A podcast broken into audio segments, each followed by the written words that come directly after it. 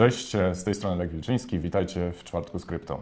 E, Bądźcie dzisiaj z nami, bo w dzisiejszym odcinku będzie można wziąć udział w konkursie i wygrać Trezora, czyli portfel sprzętowy, który pozwoli Wam uzyskać niepodległość od banków centralnych. A propos e, niepodległości, mam nadzieję, że wczoraj uczestniczyliście w Marszu Niepodległości względem banków centralnych. Pamiętajcie, e, niepodległość nie jest dana Wam raz na zawsze, musicie o nią walczyć non-stop. E, Także mam nadzieję, że w, wczoraj właśnie w, w takim marszu braliście udział. I a propos banków centralnych. E, W, w poprzednim odcinku mówiliśmy o tym, jak to szefowa e, banku centralnego nakłaniała nas wszystkich do pracy, a nie do oszczędzania.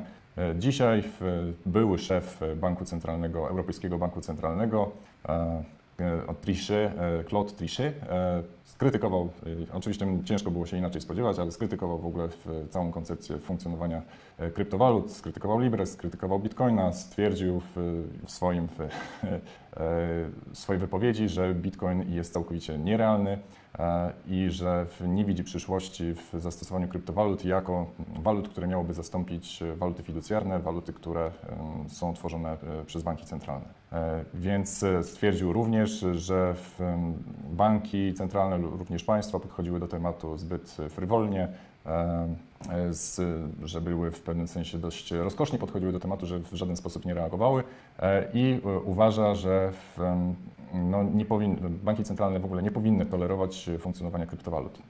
Ja uważam e, podobnie, e, my jako e, obywatele nie powinniśmy też również dłużej tolerować funkcjonowania walut fiducjarnych, ich monopolu, ich dominacji i powinniśmy walczyć o naszą niepodległość względem banków centralnych. I jedynym sposobem, żeby to robić, to jest po prostu zacząć używać alternatywnych walut, w tym wypadku walut cyfrowych, takich jak Bitcoin, które nie dość, że zapewniają nam niezależność od walut fiducjarnych, które są nam narzucone przez banki centralne, ale również pozwalają nam chronić kapitał i nasze wypracowane dobra, które my tworzymy, pozwalają nam e, zachować ich wartość e, w dłuższym okresie czasu. E, I e, dzisiaj w, chciałem, e, jeżeli chcecie wiedzieć, jak wygrać e, Trezora, e, to zostańcie z nami do końca odcinka. Będzie podane, w jaki sposób e, takiego Trezora uzyskać. Ale zanim do tego przejdziemy, e, chciałem się początkowo odnieść e, może do komentarzy z, z poprzedniego filmu. E, Weźmy sobie kilka komentarzy. No, warto się odnieść do, do tego, co do krytyki związanej z kryptowalut, bo takie, takie rzeczy nie, nie można zostawiać e, sobie samym. Jest e, cała ta idea tych filmików polega e, na tym, całe, całego czwartku z po to, żeby e, nie to, żeby przekonywać przekonanych, ale właśnie, żeby wejść w dyskusję, wejść w argumentację z osobami, które mają wątpliwości lub są całkowitymi e, krytykami w koncepcji kryptowalut lub uważają, że nie mają żadnej przyszłości lub nie są sposobem na ochronę kapitału, czy, czy w ogóle w jakiekolwiek lokowanie swoich oszczędności, czy, czy zarabiania w ten sposób. Więc e, warto się odnieść do dosyć e, potocznych argumentów, e, które mm, dotyczą właśnie krytyki kryptowalut. No Więc wróćmy sobie do komentarzy. Oczywiście część dotyczyła samego funkcjonowania banku centralnego, ale na przykład weźmy sobie tutaj komentarz e, Macraftsmana. Masz pozytywny sentyment, bo jesteś tak bardzo do przodu, że Twoja opinia jest kompletnie niewiarygodna. E, Już nie będzie wzrostu o kilka tysięcy procent. Mm, Z podobnymi opiniami spotykałem się kilka lat temu, e, kiedy w Bitcoin mm, e, przeżywał e, powiedzmy bańkę w w 2013 roku, na, na przełomie 2013-2014 roku, kiedy Bitcoin osiągnął e, e, około 1000 dolarów wyceny i wtedy mm, kompletnie nierealistycznym w, projekcją było to, że, że kiedykolwiek Bitcoin e, zyska więcej niż 1000 dolarów. Wtedy cena spadła do około poziomu 200 dolarów i, i raczej mm, w cały 2014-2015 do, do połowy 2016 roku to był okres e, totalnego marazmu. Mniej więcej sentyment był podobny do tego, który jest aktualnie teraz, e, czyli po po korekcie z 20 tysięcy dolarów, kiedy cena bitcoina spadła do poziomu około 3,5 tysiąca dolarów, sentyment był identyczny jak teraz. I e, potem nagle, kiedy cena bitcoina nagle wskoczyła na poziomy kilku tysięcy dolarów, nagle wszyscy zaczęli, czy tam 10 tysięcy dolarów, nagle wszyscy zaczęli się pytać, w jaki sposób kupić bit- bitcoina. E,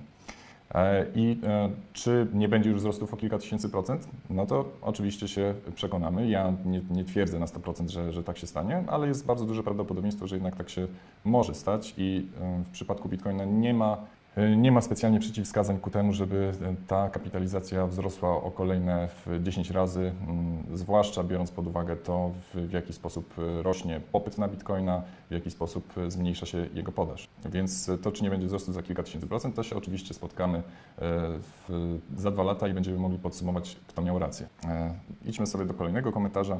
E, Zmienność nie miała znaczenia na przestrzeni lat w kontekście jak, e, tego, jak bardzo wzrosła, zmieniła się. I teoretycznie e, coś tu jest nie tak z logiką tej wypowiedzi. Miałem na myśli to, że lokalna zmienność, czyli powiedzmy na przestrzeni roku, dwóch lat, y, gdzie cena zmienia się powiedzmy nie wiem, o 50% do góry, w y, 80% w dół, nie ma większego znaczenia wtedy, kiedy cena wzrasta po, po tym okresie dziesięciokrotnie. Więc dla osoby, y, która posiada kapitał zgromadzony w bitcoinach, y, z punktu widzenia tego, ile na koniec dnia ma w portfelu, nie ma znaczenia to, że jakieś pół roku temu cena zmieniała się mm, nie wiem, o 30% do tyłu, y, czy, w, ym, czy, czy rosła o 20%. Y, Najważniejsze jest to, że po dwóch, y, trzech latach ta cena wzrosła dziesięciokrotnie. Więc z punktu widzenia tej osoby to rzeczywiście nie ma znaczenia. Okej. a Odnośnie, w, odnośnie tego, że na tym kanale były wypowiadane kompletnie odwrotne tezy dotyczące bitcoina i złota, no na tym kanale występują różne osoby. Z, są osoby, które są stricte w, związane z na przykład z rynkiem złota. E, Ja osobiście, e, ja osobiście nie mam nic przeciwko złotu. Uważam, że jest to jedna z metod e, alokacji kapitału, zabezpieczenia. Jest to dosyć taka konserwatywna metoda, e, ale ciężko tutaj się spodziewać z punktu widzenia takiego czysto spekulacyjnego jakichś szalonych wzrostów, czyli mm, takiej ogromnej opcjonalności, jaką oferuje Bitcoin. Y, Oczywiście złoto jest bardziej stabilne i dla kogoś, kto ma bardzo dużą wrażliwość na powiedzmy lokalną zmienność, to rzeczywiście może psychicznie nie być do y, udźwignięcia powiedzmy zmiany cen o 20% w ciągu dnia. Najlepszym sposobem wtedy jest po prostu nie patrzeć na kurs. Y, Zaalokować sobie środki na przykład na trezorze i, i po prostu nie patrzeć na kurs. Po co na to? To jest jedno z najbardziej drenujących psychicznie wydarzeń, czy mm, drenujących psychicznie w, obserwacji, które w, dla kogoś, kto codziennie sprawdza kurs i na przykład widzi, że coś się zmieniło o 10% w dół, o 20% do góry, no to jest, nie jest to potrzebne. Warto się skupić na tym, co robicie dobrze e, i jeżeli w, skupić się na swojej pracy, na, na swoich, e, na, s- na tym, co, co rzeczywiście możecie e, dawać światu lub innym, natomiast nie skupiać się, nie patrzeć na na kurs, bo to jest mało produktywne i jednocześnie może generować e, jakiś niepotrzebny, niepotrzebny stres. Lecimy sobie dalej. Bitcoin jest to czysta spekulacja. Już były akcje, że leciał 90% wartości. Złoto jest bardzo dobra metoda ochrony kapitału, ale już na wstępnie jest się stratnym. Jeżeli ktoś nie ma wiedzy i nie chce tracić pieniędzy przez inflację, to tylko obligacje skarbowe z korektą inflacyjną. Pewna kasa i jeszcze minimum się zarobi.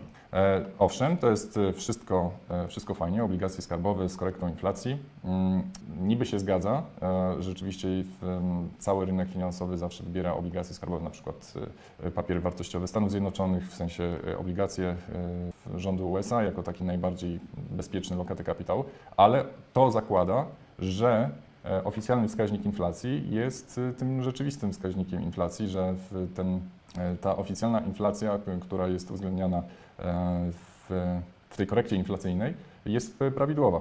No to niekoniecznie musi być prawda i y, jeszcze pozostaje jedno ryzyko, ryzyko związane z zwykłym bankructwem, czyli tak zwanym defaultem. E, Zdarza się, że jeżeli sobie popatrzycie, nie wiem, na obligacje Grecji, e, obligacje Argentyny czy jakiegokolwiek innego kraju, który e, teoretycznie nie może zbankrutować, bo tak często się mówi, że kraj nie może zbankrutować, to jednak tak się dzieje i wszyscy posiadacze e, obligacji e, skarbowych są jednak narażeni na ryzyko tak zwanego defaultu, czyli całkowitego zerowego spad, e, spadku do zera wartości tego typu e, papierów wartościowych. Więc e, można tutaj mówić o tak zwanych czarnych łabędziach, e, gdzie to ryzyko jednak występuje, więc te obligacje skarbowe niekoniecznie mogą być dobrą lokatą kapitału, tak samo jak książeczka mieszkaniowa w czasach, mm, w latach 90. okazała się kompletnie bezwartościowa. Mm.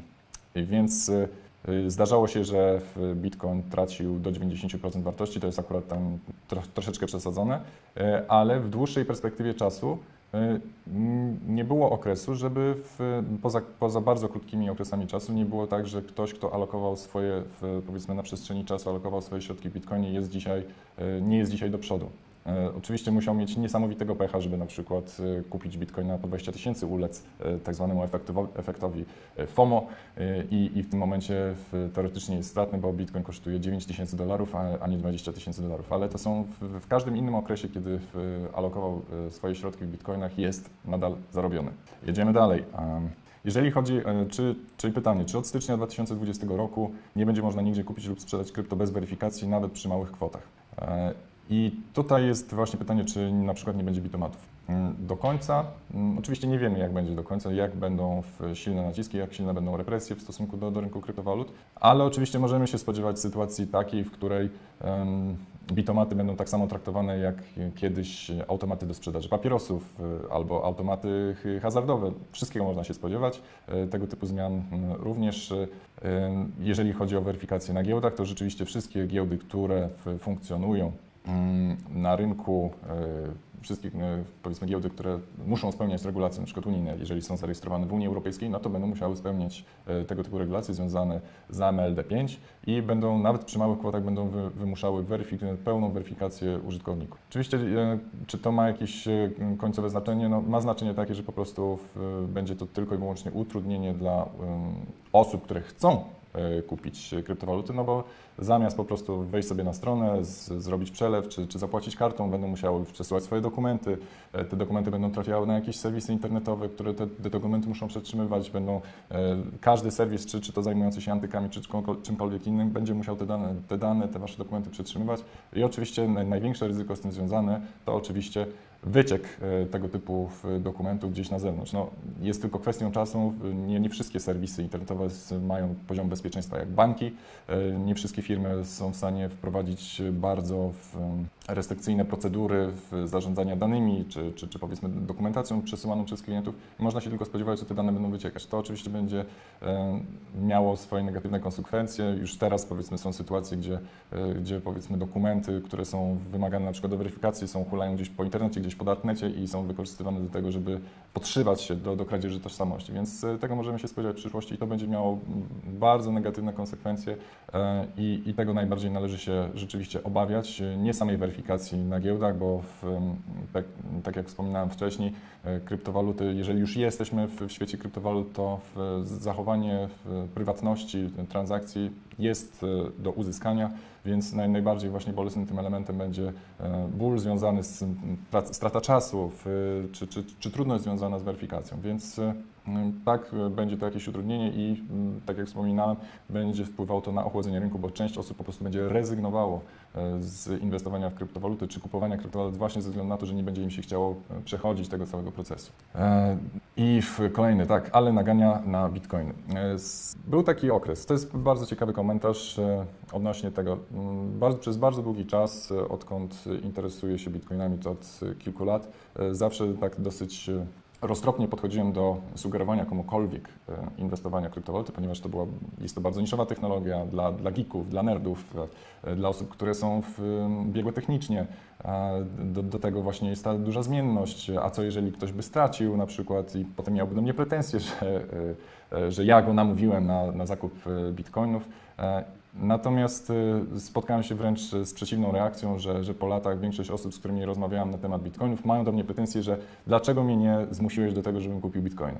I wychodzi na to, że i tak źle, i, i tak niedobrze, e, więc e, e, uważam, ja podchodzę do tematu kryptowalut z punktu widzenia ideologicznego. Tak jak wspomniałem na początku, uważam, że jest to narzędzie do, do tego, aby jednak więcej kontroli, więcej kontroli była w rękach obywateli. I bez względu na to, w jaki sposób zachowuje się cena bitcoina, w jaki sposób, czy, czy e, bez względu na te aspekty spekulacyjne, bitcoin jest narzędziem tego, abyście wy jako obywatele, e, żebyście wy jako obywatele mieli większą kontrolę nad e, swoim kapitałem, nad swoimi oszczędnościami, nad siłą nabywczą waszego pieniądza.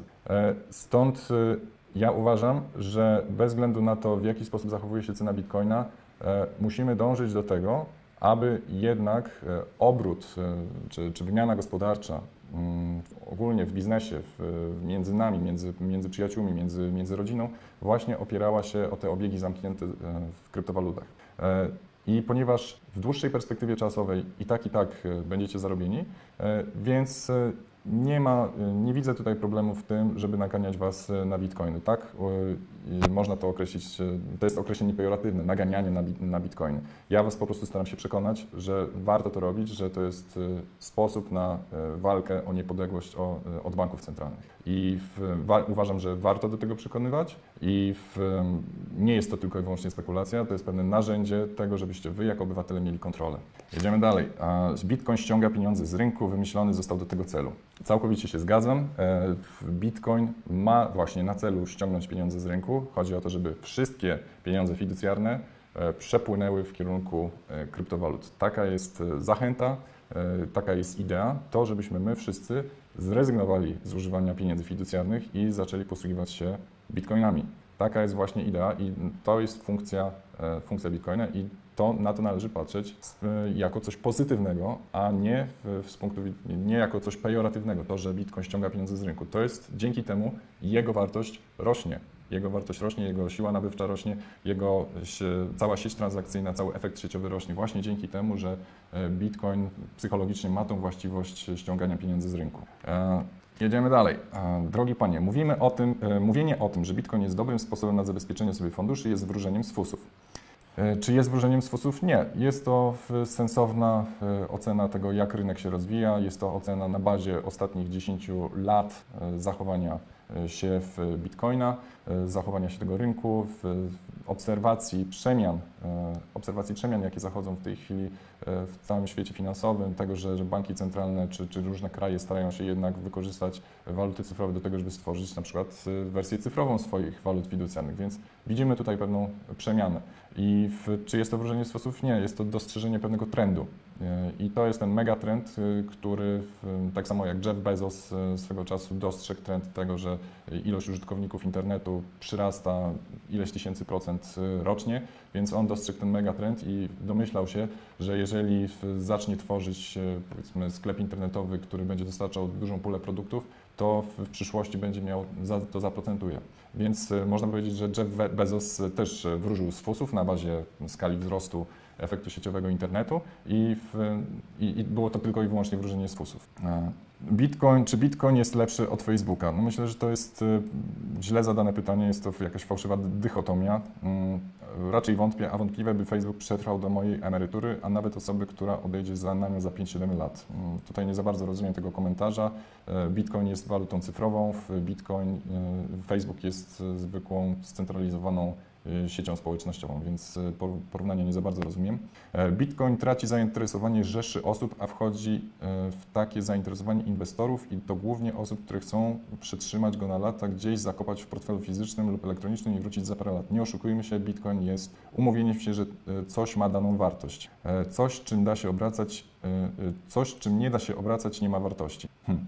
E, dosyć, dosyć ciężko rozgryźć, rozgryźć co, co autor miał na myśli.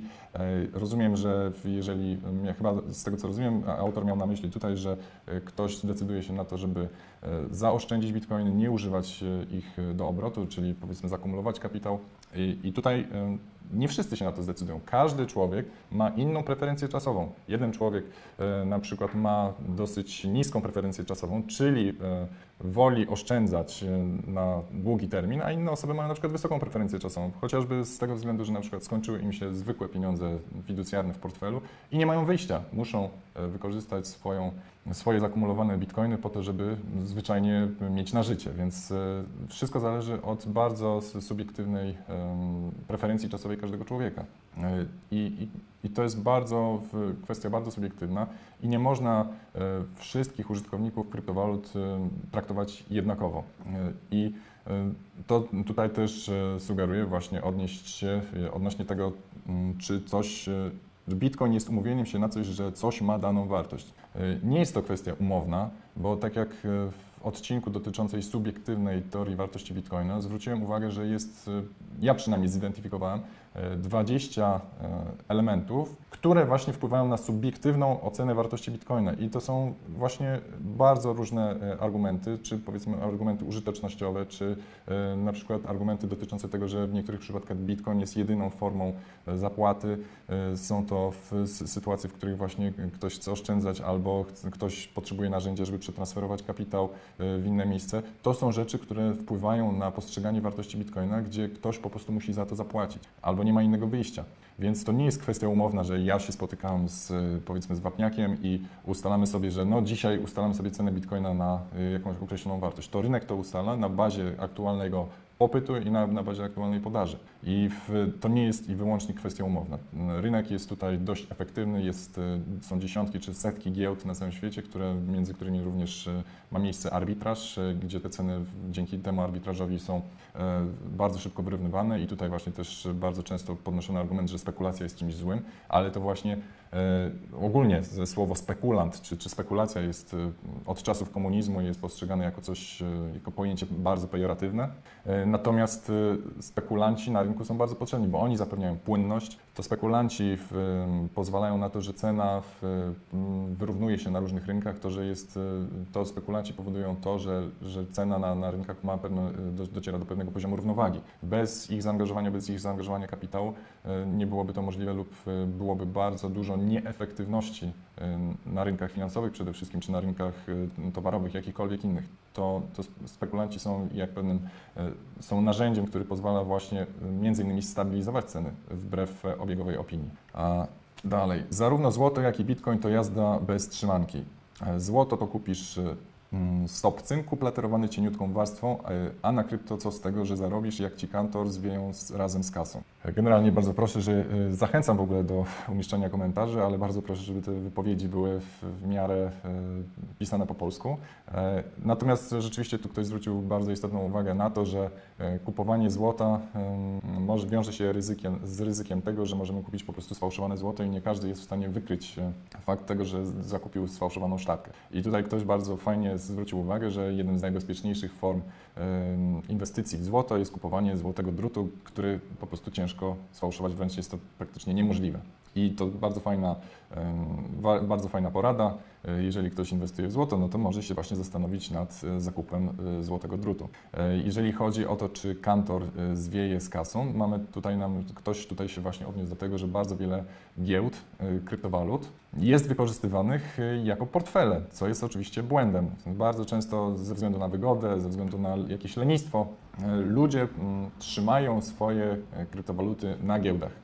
Tam deponują swoje środki, ale jest to całkowicie sprzeczne z, z, ideą funkcjonowania kryptowalut, bo y, ideą y, bitcoina, kryptowalut jest to, żeby być swoim własnym bankiem, czyli odchodzić od odchodzić od tego modelu, w którym my powierzamy komuś swoje środki pod zarządzanie. Czyli od, nie, staram się nie powielać tego e, modelu bankowego, gdzie my oddajemy swoje środki do banku i właśnie liczymy na to, że ktoś nam je bezpiecznie zabezpieczy. E, dlatego zawsze odradzam e, trzymania, deponowania swoich środków u tak zwanej zaufanej trzeciej strony. To Wy macie być swoim bankiem, macie właśnie trzymać środki na powiedzmy na portfelach sprzętowych i sam samemu je kontrolować. Więc jeżeli nie chcecie, żeby ktoś się zawinął swoją własną kasą, to Wy E, powinniście zadbać e, o swoje bezpieczeństwo i nie powierzać nikomu pod zarządzanie swoich środków.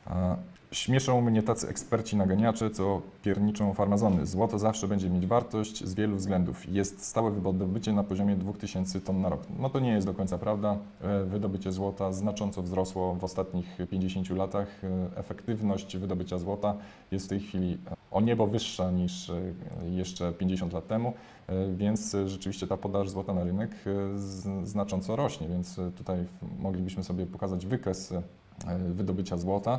E, I, i to nie jest do końca prawda, że jest to tylko i wyłącznie 2000 ton na rok, bo mm, efektywność wydobycia złota rośnie. Ale i tak, i tak znacząco w, nie da się, to jest, jest to, nie zaprzeczam temu faktu, że nie da się znacząco zwiększyć poziomu wydobycia złota, ale nie zmienia to faktu, że jednak e, wydobycie znacząco wzrosło.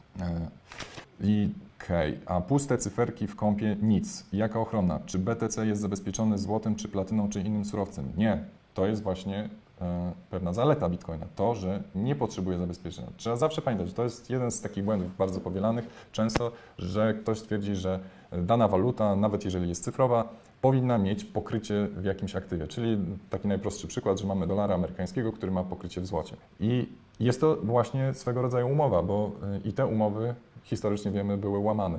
Jeżeli hmm, tylko i wyłącznie jest to kwestia umowna, że dany papier wartościowy e, gwarantuje to, że na przykład e, może być wymieniony na uncję złota jest to tylko i wyłącznie kwestia umowy, którą ktoś może złamać. Jeżeli my wliczamy, w, czy tam wkalkulujemy w cenę e, z danego, powiedzmy, danej waluty, danego papieru wartościowego to, że w przyszłości będziemy mogli go wymienić na przykład na uncję złota, no to musimy się liczyć, że rzeczywiście ktoś tej umowy dopełni. W przypadku Bitcoina nie musimy czegoś takiego zakładać. Bitcoin ma swoją własną inherentną wartość. To, jaka ta wartość jest, jest e, ustalona przez rynek i nie ma tutaj żadnej zewnętrznej umowy dotyczącej tego, że my kiedyś w przyszłości ktoś będzie, ktoś będzie musiał nam e, na przykład za tego Bitcoina nie wiem, dać uncję złota czy, czy cokolwiek innego. Nie musimy mieć tego pokrycia.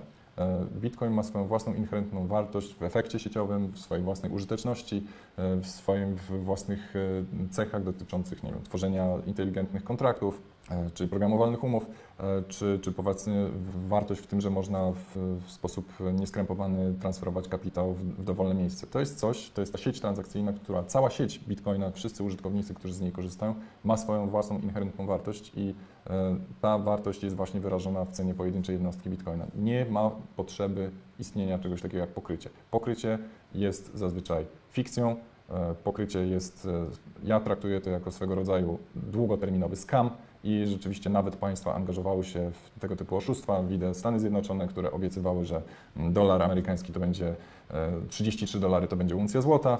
Oczywiście się z tej umowy nie wywiązały, jak ktoś powiedział, sprawdzam.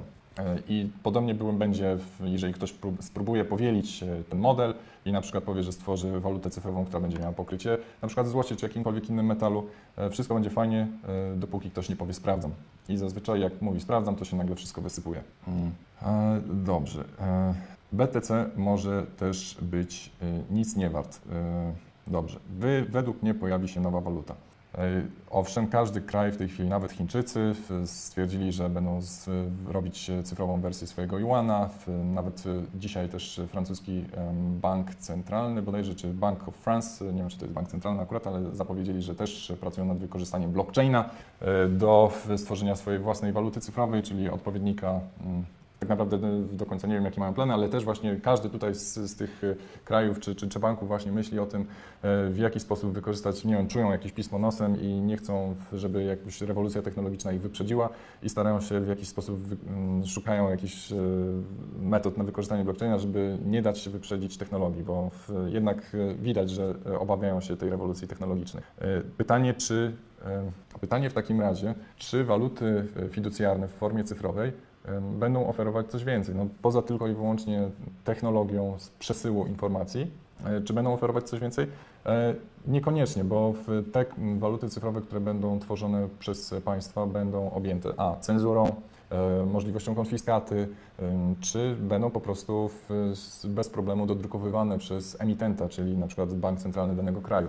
Więc e, niekoniecznie będą oferować jakąkolwiek wartość, e, który, z której chcieliby korzystać, poza, poza tylko i wyłącznie powiedzmy łatwym przesyłem, łatwymi metodą dokonywania transakcji, z pominięciem jakichś pośredników typu, nie wiem, Mastercard, Visa czy innych, nie będą oferować specjalnie więcej obywatelom.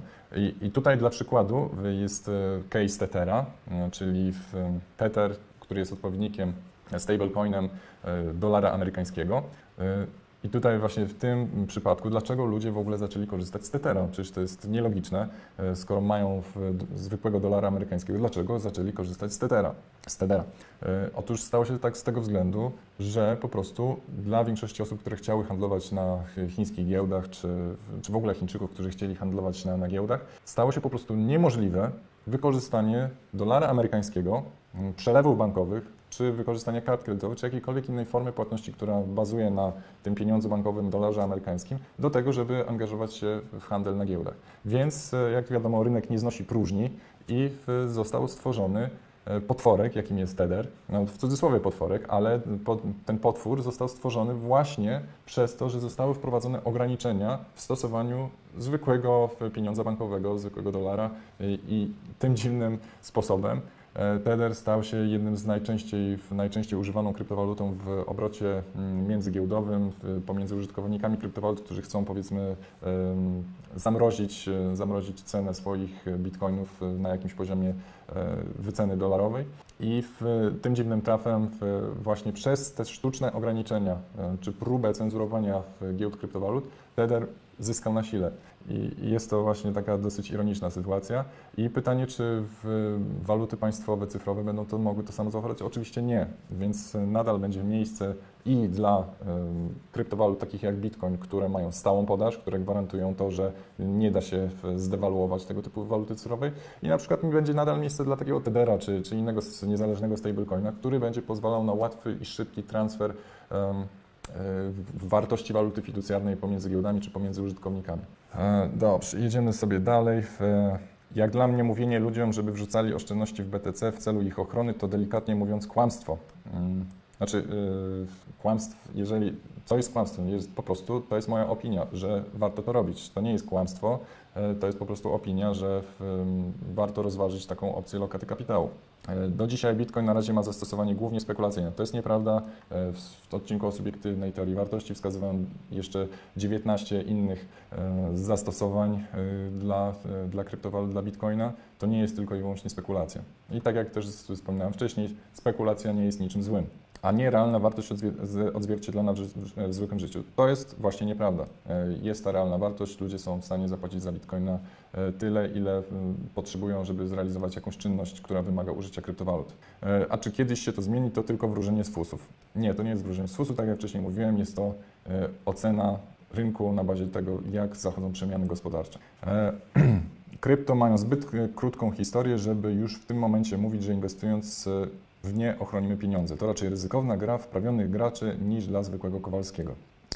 Krótszy 10 lat to jest krótka historia. Te 10 lat, y, w ogóle w świecie technologii 10 lat y, bardzo często się mówi, że to, jest, są, to są wieki. Jeżeli mówimy o rozwoju internetu, rozwoju internetu czy jakichkolwiek innych technologii, 10 lat to jest wieczność. Jeżeli mówimy o tym, co dzieje się w chińskich fabrykach y, czy w, w, ogólnie w technologii, to, to rok często bywa wiecznością i te przemiany zachodzą dzisiaj znacząco szybciej. Dochodzimy do takiego mm, dochodzimy do takiego punktu osobliwości, gdzie rzeczywiście te przemiany e, technologiczno-gospodarcze zachodzą dużo szybciej niż, niż kiedyś. 10 e, lat, owszem, w skali powiedzmy w rynku złota, no to powiedzmy jest, jest krótko, ale to jest też wystarczająco długo, żeby zobaczyć pewien trend przemiany, więc nie jest to wróżenie z fusów. E, I teraz tak, wracając do naszego konkursu. Konkurs na Trezora jest dość prosty. Wystarczy w komentarzu napisać e, Waszą predykcję ceny e, z Waszą predykcję ceny na 1 grudnia 2019 e, roku o godzinie 12. Wyznacznikiem ceny jest to, co będzie pokazywała serwis coinpaprika.com. Jest to polski serwis, który jest, jest to polski serwis, który pozwala w, na, jest to alternatywa dla CoinMarketCap.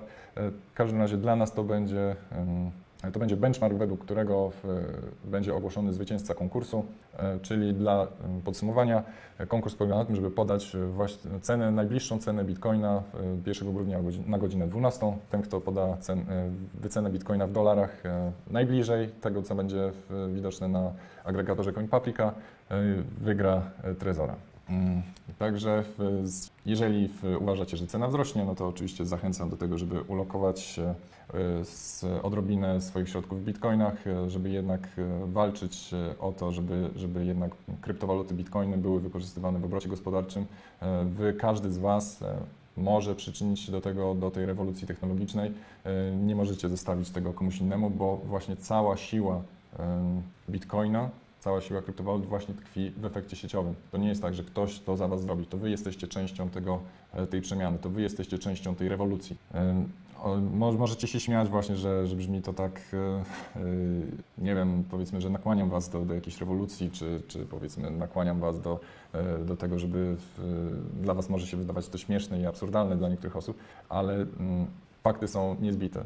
Bitcoin jest projektem politycznym, zdecydowanie jest projektem politycznym. Jeżeli ktoś uważa, że tak nie jest, powiedzmy chce udawać, że, e, że Bitcoin nie ma znaczenia politycznego, no to w, może sobie dalej udawać, ale w, fakty są takie, a nie inne. Bitcoin jest konkurencją dla pieniądza fiducjarnego emitowanego przez banki centralne i waszym zadaniem jest to, żeby wywierać presję, wywierać presję na rządy, wywierać presję na banki centralne, żeby nie wykorzystywały swojej dominującej pozycji do żeby nie ulegały pokusie nadużycia związanej z dodrukiem pieniądza, e, żeby nie ulegały tej, mm, tej pokusie tego, żeby mogli sobie bezkarnie dewaluować e, wasze oszczędności. Więc jednym z e, właśnie fajnych sposobów na to, żeby pokazać, on niekoniecznie środkowy palec, ale żeby e, pokazać swoje stanowisko nie tylko przy urnie do głosowania, jest właśnie głosowanie nogami, czy głosowanie swoim własnym kapitałem po to, żeby pokazać, że nie zgadzacie się na pewien rodzaj polityki monetarnej, który w tej chwili jest uskuteczniany, związany właśnie z dodrukiem pieniądza, ze zmniejszaniem stóp procentowych, e, z, z monetyzacją długu publicznego, e, z polityką, która jest robiona całkowicie bezkarnie i kosztem e, oszczędności obywateli, kosztem rozwoju gospodarczego. Dzieje się to na całym świecie. Nie musicie się na to godzić i macie narzędzie, e, które pozwala Wam ten efekt osiągnąć. I powinniśmy być wszyscy wdzięczni z tego faktu, że mamy do czynienia z rozwojem technologii, z technologią, która właśnie pozwala obywatelom, użytkownikom internetu posiadać więcej kontroli, nie tylko w sferze e, komunikacji, w sferze publikacji treści, w sferze właśnie wolności słowa, ale również w kwestii tego, jak działa pieniądz. I to jest e, bardzo istotne i warto o to dbać, warto wspierać e, tego typu projekty. Ja tutaj właśnie najlepiej się skoncentrować na jednym, czyli na tym, na takiej, ja to określam mianem szpicy, która jest w stanie mieć największą siłę przebicia. Tą szpicą jest Bitcoin i to jest, to jest przede wszystkim technologia, która pozwoli Wam posiadać większą kontrolę, większą, większą siłę przełożenia, większą siłę nacisku na, na władzę, na, na banki centralne, niż tylko i wyłącznie narzekanie e, czy, czy próba z, zmiany ustroju co 4 lata. Więc e, to są właśnie te elementy, to Wasze działanie ma kluczowe znaczenie w tym, e, aby Wy pokazać swoją siłę jako właśnie obywatel i macie do tego w tej chwili narzędzia, którymi możecie się posługiwać, tym, aby e, zaznaczyć e, swoje zdanie, głosować kapitałem, e, głosować e, właśnie tym, w jaki sposób e, przekonywać innych, e, publikować treści, nie, nie działać tylko i wyłącznie pasywnie, e, wspierać właśnie alternatywne sieci transakcyjne po to właśnie, żeby móc wymusić e, konkurencję, wymusić e, pewne zmiany, pokazać tym, że nie można bezkarnie dewaluować pieniądza, że będzie miało to konsekwencje, że Wy będziecie jednak głosować nogami. Także do zobaczenia e, w przyszłym odcinku czwartku z krypto i zachęcam do udziału w konkursie.